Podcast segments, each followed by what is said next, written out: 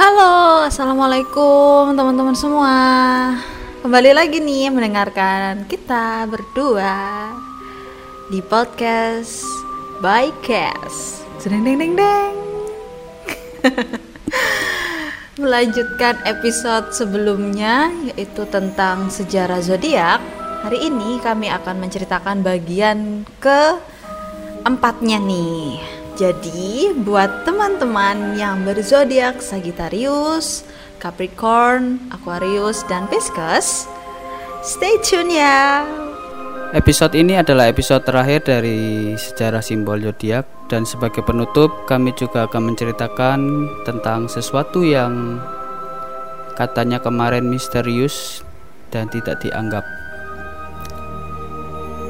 Buat teman-teman yang kemarin belum dengerin sejarah zodiak dari episode eh bukan episode ting, dari part 1 sampai part 3 bisa di scroll di channel Bykes biar makin afdol dan menambah wawasan teman-teman semua. Yuhu, bener banget. Apalagi dengan adanya wawasan tentang elemen-elemen zodiak yang kemarin part 1 ya kita bahas. Nah, itu tuh ngebantu banget nih buat teman-teman biar lebih mengenal pribadi seseorang. Jadi nggak perlu tuh ngafalin satu-satu tiap zodiaknya kepribadiannya apa dan gimana. Teman-teman itu tinggal ngafalin aja unsur, asas dan golongannya zodiak itu. Simple, udah Simple. langsung jadi ahli nujum. Bener nggak? Wah, Mantap. mantap. Oke, cerita pertama kita dimulai dengan zodiak apa nih, Zaki? Oke. Zodiak ke-9 adalah Sagittarius dengan tanggal kelahiran 22 November sampai 21 Desember dengan lambang Centaur. Makhluk yang bagian atasnya manusia dan bagian bawahnya kuda. Sagittarius memiliki unsur api, berasas berubah-ubah dan masuk golongan maskulin. Kisahnya bermula dari salah satu tokoh mitologi ternama bernama Chiron. Chiron adalah salah satu centaur putra dari Poseidon yang memiliki sifat bijak sebagaimana diajarkan oleh Apollo dan Artemis kepadanya.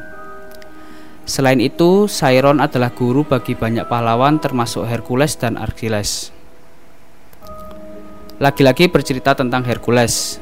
Dalam sebuah pertarungan, Hercules mencoba melindungi diri dari serangan panah beracun. Sayangnya, panah itu justru mengenai kaki Chiron. Chiron merasakan sakit yang luar biasa, namun hidup abadi karena ia putra dari dewa Poseidon. Karena kegagalan dalam melindungi gurunya, Hercules berjanji untuk selalu membantu dan menemani Chiron ke mana pun ia pergi.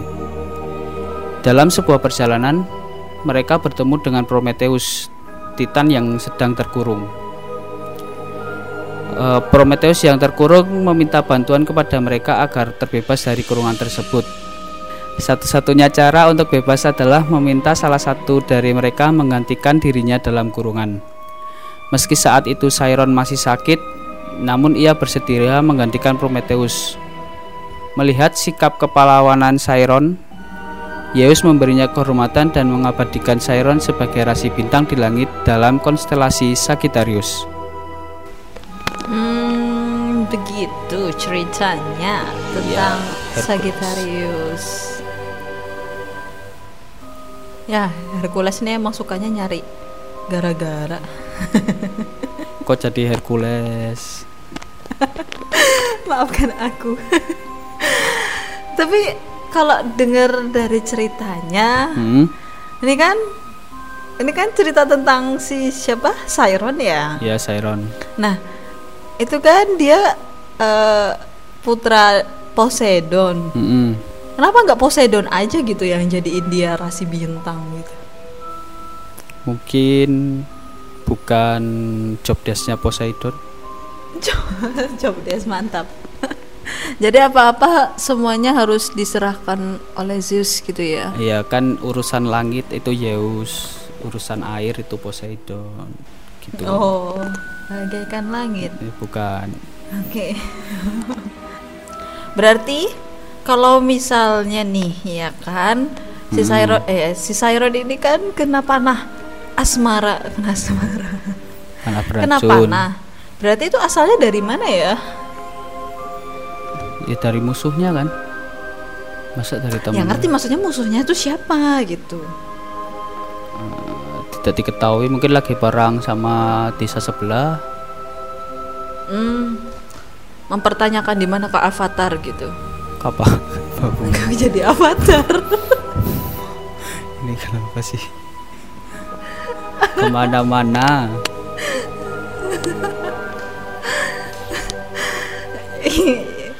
Oke. lanjut lanjut. Oke. Ya yuk lanjut. Zodiak selanjutnya apa? Gantian aku ya. Hmm, apa aku semua tuh? Cerit. Oh jangan, nanti saya nggak dapat fee. Gimana ini? Oh, ini transfer ya. nanti double kamu. Iya, gimana sih? Ya udah kalau gitu, aku akan mengambil alih cerita selanjutnya. Oke. Jeng jeng. Zodiak selanjutnya adalah Capricorn dengan simbol kambing jantan. Hmm. Zodiak dengan tanggal kelahiran 22 Desember hingga 19 Januari ini memiliki unsur tanah, berasas utama dan masuk golongan feminim. Ceritanya bermula saat kelahiran dewa Zeus, rajanya para dewa dalam mitologi Yunani. Saat kelahirannya, ibu Zeus yang bernama Rhea takut suaminya yaitu Kronos akan memakan anaknya sendiri bila dia marah. Buset. Buset, ngeri. Diam-diam Rhea membawa Zeus ke Krete dan diberikan kepada peri kambing yang bernama Amalthea. Rhea menjelaskan alasan kenapa ia membawa Zeus kepada Amalthea dan meminta agar anaknya ini diselamatkan dari keberingasan suaminya. Hmm. Zeus dibesarkan oleh Amalthea dengan penuh cinta dan kasih sayang, memberinya susu dan mengabdikan dirinya untuk Rhea. Oke. Amalthea juga menyembunyikan Zeus dari Kronos dengan cara menggantungkannya di sebuah pohon yang tinggi sehingga Kronos tidak dapat menemukannya. Uh, tinggi Digantung. banget pohon. Kasian, kecil-kecil udah digantung. Gedenya suka gantung. Singkat cerita, Ya, skip nanti aja. enggak ya, enggak ya. Maksudnya Zeus Kan ini loh. banyak. Iya, menggantungkan. Iya, oke. Tanpa status yang pasti. Kan sudah jadi selir-selirnya gimana sih? Oh iya, kan yang pasti cuma istrinya yang resmi itu. Oh iya, ya udah nggak apa-apa sih. Yang penting istrinya dapat jatah gitu. Eh, apa sih? Eh, kan dapat kerajaan gimana? Singkat cerita, akhirnya Zeus menjadi raja dari para dewa. Atas jasa Amalthea ini, Zeus mengubah salah satu tanduk Amalthea menjadi tanduk yang dapat memberi segalanya. Zeus juga menempatkan dan mengabadikan sosok Amalthea ke dalam konstelasi Capricorn. Nah, gitu Zaki ceritanya tentang zodiak Capricorn yang ceritanya itu intinya atau poinnya itu adalah ibu asuh dari Zeus. Hmm. Setelah kita mendengarkan dan membaca berbagai macam cerita Zeus, akhirnya nih, akhirnya, ah, alhamdulillah ya kita mendengar ada juga nih cerita Zeus yang baik gitu, yang Mm-mm. positif, ya enggak sih? Kemarin-kemarin tentang penculikan, terus apalah pemerkosaan, serem-serem semua. Mungkin ini alasan Zeus eh, melakukan hal-hal tersebut ya. Tertekan punya bapak yang galak, mau dimakan, harus diungsikan, terus jadi badung. Tapi gedenya kok jadi playboy ya? Karena tadi itu digantungkan sama Amalthea. Jadi dia Berarti sifat playboynya ini dari Amalthea ini ternyata. Hmm. gitu. Ya ampun. Emang ya Parah. bebas sih kalau cowok tuh. Kok jadi cowok? Kasihan ah. Kita bahas jelek-jeleknya Zeus terus. Oh iya, gak- tapi nggak usah disambung-sambungin sama cowok ya. Oh iya ya udah, hanya Zeus yang begitu.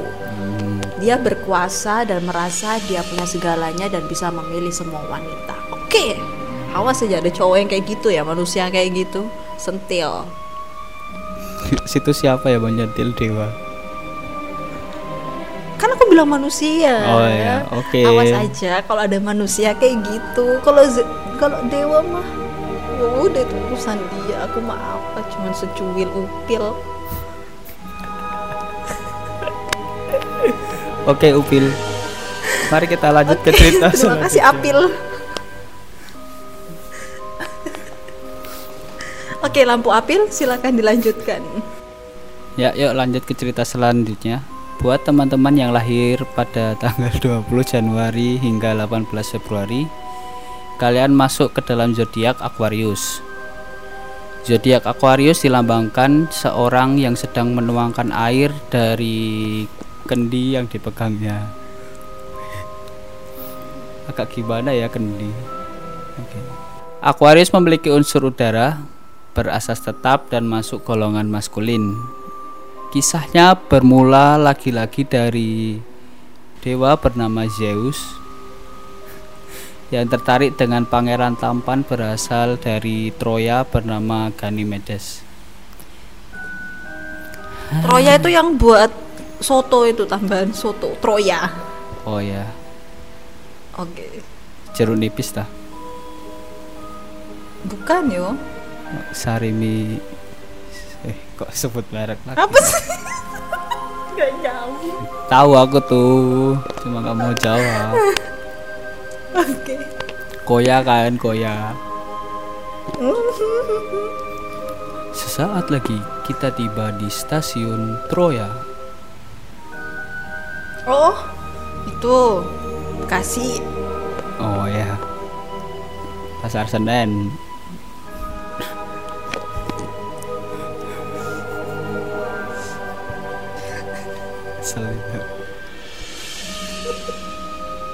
Yeus yang menyukai manusia cantik dan tampan ini ingin membawa Ganymedes.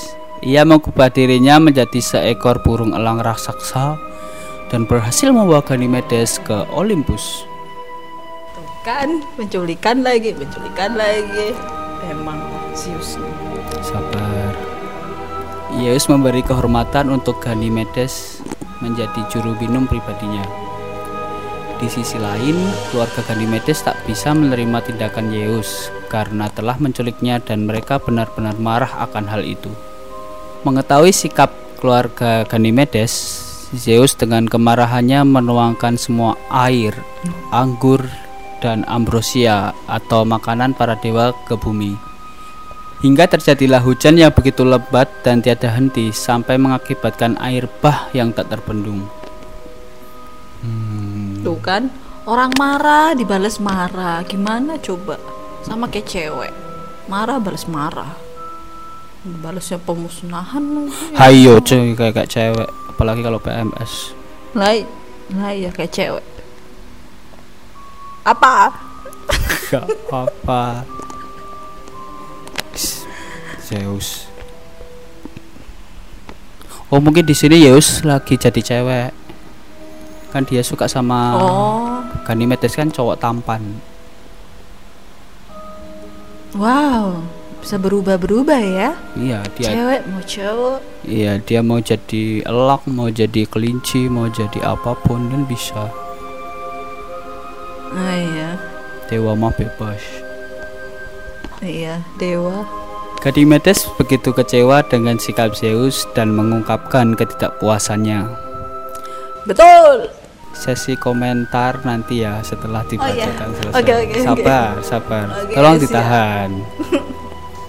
ya kan saya kebiasaan supporter bola ya kan langsung cas cas Hal itu membuat Zeus murka dan ingin menghukum Ganymedes. Namun tersadar akan perbuatan jahatnya itu. Sebagai gantinya, Zeus memberi Ganymedes sebuah tempat di rasi bintang konstelasi Aquarius. Oke, gitu ceritanya. Silahkan berkomentar bunga yang dari tadi menyela mulu. bukan menyela tapi emang kalau didengerin terus tuh lama-lama kesel gitu loh siapa coba yang nggak kesel kan dengan apa yang dilakuin Zeus selama ini selama ini kayak kenal lama coy nah itu Siapa sih? nggak bisa mikir apa ya kayak oh ya nanti kalau aku berbuat seperti ini nanti bagaimana ya dengan ini ini ini? Gitu loh. Dipikir ulang gitu loh maksud aku tuh. Dia hanya dia mengikuti tuh? nafsunya. baru sadarnya setelah Ganymedes itu baru bilang. Iya. terus minta maafnya cuman ke Ganymedes ke orang-orangnya? Ke keluarganya? Diapain? Kan keluarganya udah hanyut mati. itu di air bah. Iya, mau minta maafnya gimana? Ya ikutan dijadikan bintang aja kayak sekalian gitu kan biar banyak tuh Kon- warna-warni. konstelasi korban air bah. ya nggak apa-apa itu menjelaskan ternyata Zeus ini pernah bersalah sangat bersalah dengan para manusia. Jadi ada sejarahnya gitu loh. Oh. Ya udahlah demi Zeus lah korting lah sabarku.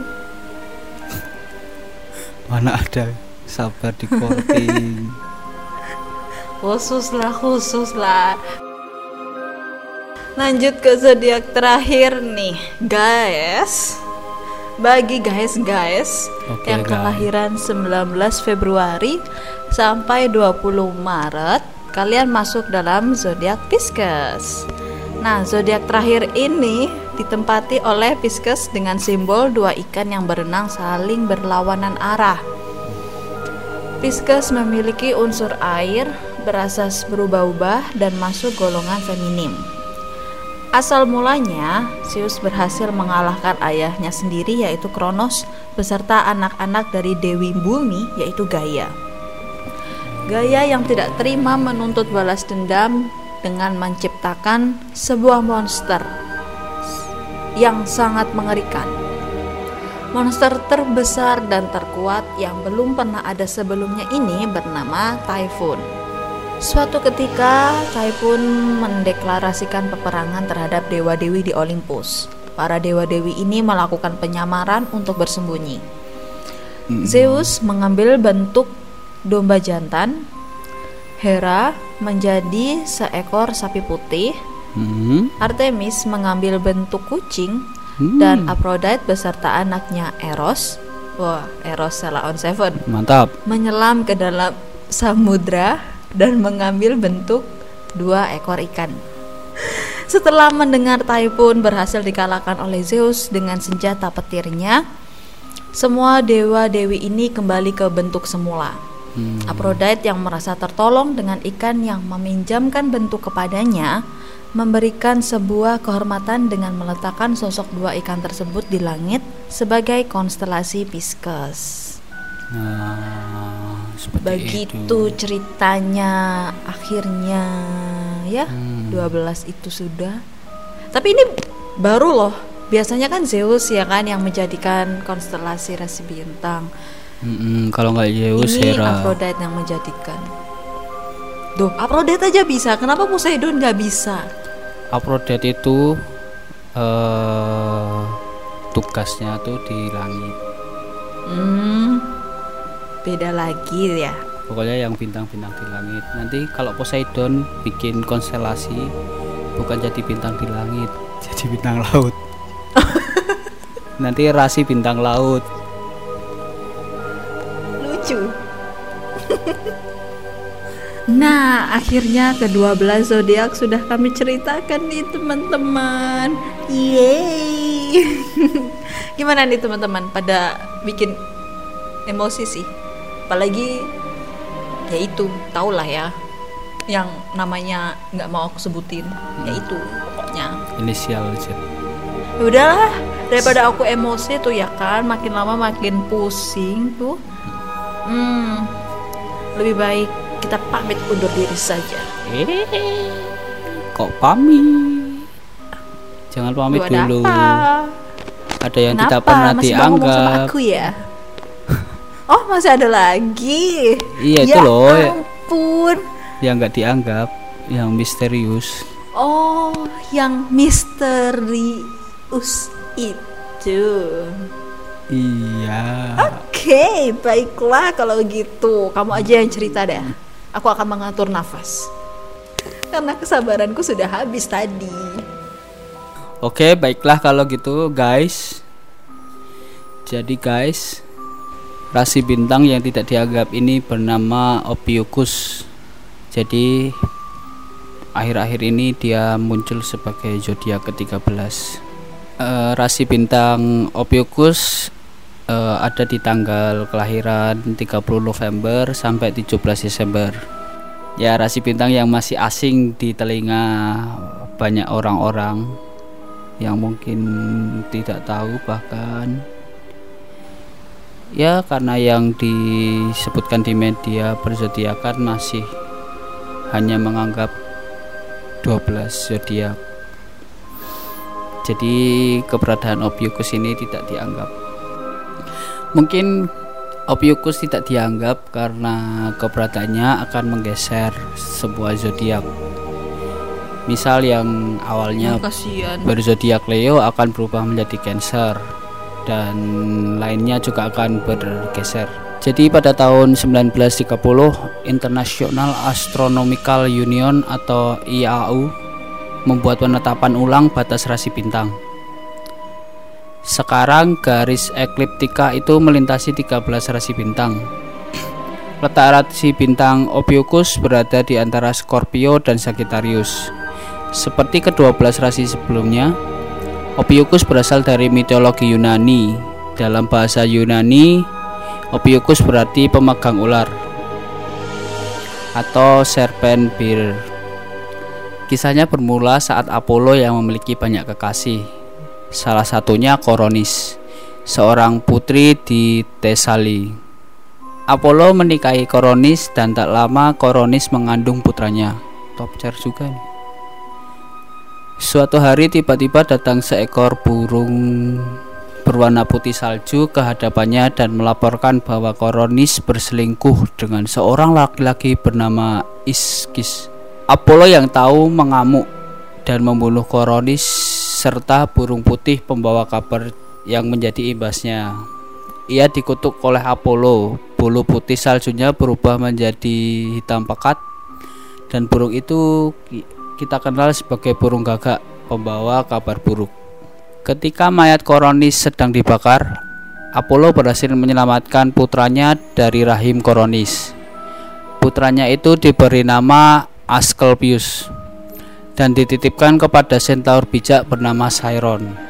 Chiron mengajarkan Asclepius berbagai seni penyembuhan, seni bedah, dan lainnya sehingga ketika Asclepius dewasa ia sangat ahli dalam teknik penyembuhan bahkan ia bisa menyembuhkan penyakit yang tidak bisa disembuhkan yaitu kematian Suatu hari, Asclepius sedang berusaha menyembuhkan seorang pria yang sekarat di dalam rumah. Namun, ia terlambat karena pria itu telah meninggal. Asclepius berusaha sebaik mungkin hingga ia mulai putus asa. Tiba-tiba datang seekor ular mendekati tongkat Asclepius. Nah, karena kaget, Asclepius ini membunuh ular itu. Tak lama kemudian datanglah ular kedua yang membawa selembar daun dan menghidupkan kembali ular yang tewas itu. Setelah itu, ular yang membawa daun itu melilit di tongkat Asclepius dan Asclepius menggunakan daun yang dibawa oleh ular kedua itu untuk menghidupkan pria yang telah meninggal tadi. Hmm, gitu. Kabarnya terus menyebar bahwa Asclepius mampu menghidupkan orang mati dan gak sedikit pula yang berhasil ia hidupkan kembali. Makin sedikit orang yang mati membuat penguasa bagi yang sudah mati, yaitu Hades, ini menjadi resah. Ia menganggap saudaranya Zeus ini telah berbuat curang, sehingga semakin sedikit orang yang mati masuk ke dalam daerah kekuasaannya. Zeus yang menemukan akar permasalahannya, yaitu berasal dari Asclepius, membunuh Asclepius dengan petirnya untuk menyeimbangkan keseimbangan alam. Apollo yang kesal karena Zeus telah membunuh putranya membalas dengan membunuh Cyclops yang bertugas membuat petir untuk Zeus. Karena hal itu, Apollo dibuang oleh Zeus dari langit dan memerintahkannya mengabdi pada Admetus, yaitu raja Tesali. Setelah kematian Asclepius, Zeus menyadari bahwa Asclepius ini telah berjasa besar bagi manusia dalam mengajarkan teknik-teknik kesehatan. Sehingga akhirnya Asclepius diangkat menjadi dewa kesehatan dan diletakkan sebagai rasi bintang Ophiuchus atau the serpent holder. Begitu ceritanya tentang Ophiuchus. Oh, aku baru sadar. Apa? Berarti lambang-lambang kesehatan tuh kan ada dua ular gitu ya kan? Itu ternyata itu ternyata ular yang di sini ya. Hmm, mungkin ya. Lambang Iya lambang-lambang apotik. Aku tuh sempat bertanya gitu kan, kenapa lambang kesehatan itu malah ular gitu? Ular kan apa ya hewan yang mematikan gitu Hmm. kan? Kenapa nggak ikan yang kalau dari Jepang gitu kan ikan gitu? Koi. Iya, kenapa nggak ikan koi gitu yang jadi lambang kesehatan? Ternyata, ah ternyata dari ini, ye, pengetahuanku semakin bertambah. Ya, tapi kan tetap saja Ophiuchus menjadi zodiak ke-13 dan tidak dianggap oleh Yun dunia berzodiakan. Iya, kasihan. Terus kalau misalnya dia nih ya dianggap oleh dunia perzodiakan, urutannya jadi gimana? Urutannya akan saya bacakan setelah ini ya, Kakak. Oke, setelah iklan-iklan berikut ini. Urutan pertama tetap Aries. Eh, tanggalnya bergeser dari tanggal 19 April sampai 13 Mei. Kemudian Taurus dari 14 Mei hingga 19 Juni. Wah, kamu jadi Taurus. Ya, padahal aku suka Gemini walaupun dianggap jahat. Gemini sendiri akan bergeser menjadi 20 Juni hingga 20 Juli. Cancer eh, menjadi 21 Juli sampai 19 Agustus. Leo dari 10 Agustus hingga 15 September. Virgo eh, akan dimulai dari tanggal 16 September hingga 30 Oktober. Libra 31 Oktober hingga 22 November. Nah, ini nih lucu nih. Bukan lucu sih, unik. Kenapa kenapa tuh? Kenapa? Kenapa? Kenapa? Kenapa? Scorpio eh, dimulai dari tanggal 23 November hingga 29 November ya. Cuma enam hari. Wow, langka sekali kamu Scorpio. Kemudian Ophiuchus dari tanggal 30 November hingga 17 Desember. Sagittarius dari 18 Desember hingga 18 Januari. Capricorn dari 19 Januari hingga 15 Februari. Aquarius dari tanggal 16 Februari sampai 11 Maret. Dan yang terakhir Pisces dari 12 Maret sampai 18 April. Hmm, jadi rata-rata zodiaknya naik tingkat gitu ya, Mm. ya kan? Ma- Hmm, padahal cuma selisih satu hari doang. Itu kamu tuh yang cuma satu hari doang tuh masih bisa sebenarnya masih bisa stay di Gemini tapi kan ada pergeseran twil. Ih, nanggung banget tahu gak sih? zodiakku jadi banteng kembar karena Kok ada banteng kembar? ya karena ada di perbatasan antara Taurus dan Gemini Berbatasan. ya bebas lah, bebas lah. Bebas lah khusus kamu lah hari ini ku kasih korting lah. Berarti tuh rata-rata ya rata-rata. jangka waktunya tuh memang jangka waktunya tuh emang satu bulan satu bulan kecuali yang Scorpio itu ya. Dia langsung kayak nyempil gitu cuma enam hari doang. Ya kan seolah-olah yang nyempil tuh Scorpio kan padahal Ophiuchus. Iya kasian ya kan Mm-mm. emang gimana sih seperti itulah perjalanan dari sejarah 12 plus 1 zodiak ini karena semua zodiak sudah kami kasih tahu Berarti ini akan menjadi episode terakhir tentang persediakan. Tapi bukan Ya. berarti ini episode terakhir dari podcast kami ya teman-teman. Oh, masih ada lagi. Masih. Yuk, penasaran apa ya? Iya apa? Apa lagi ya? Apa ya?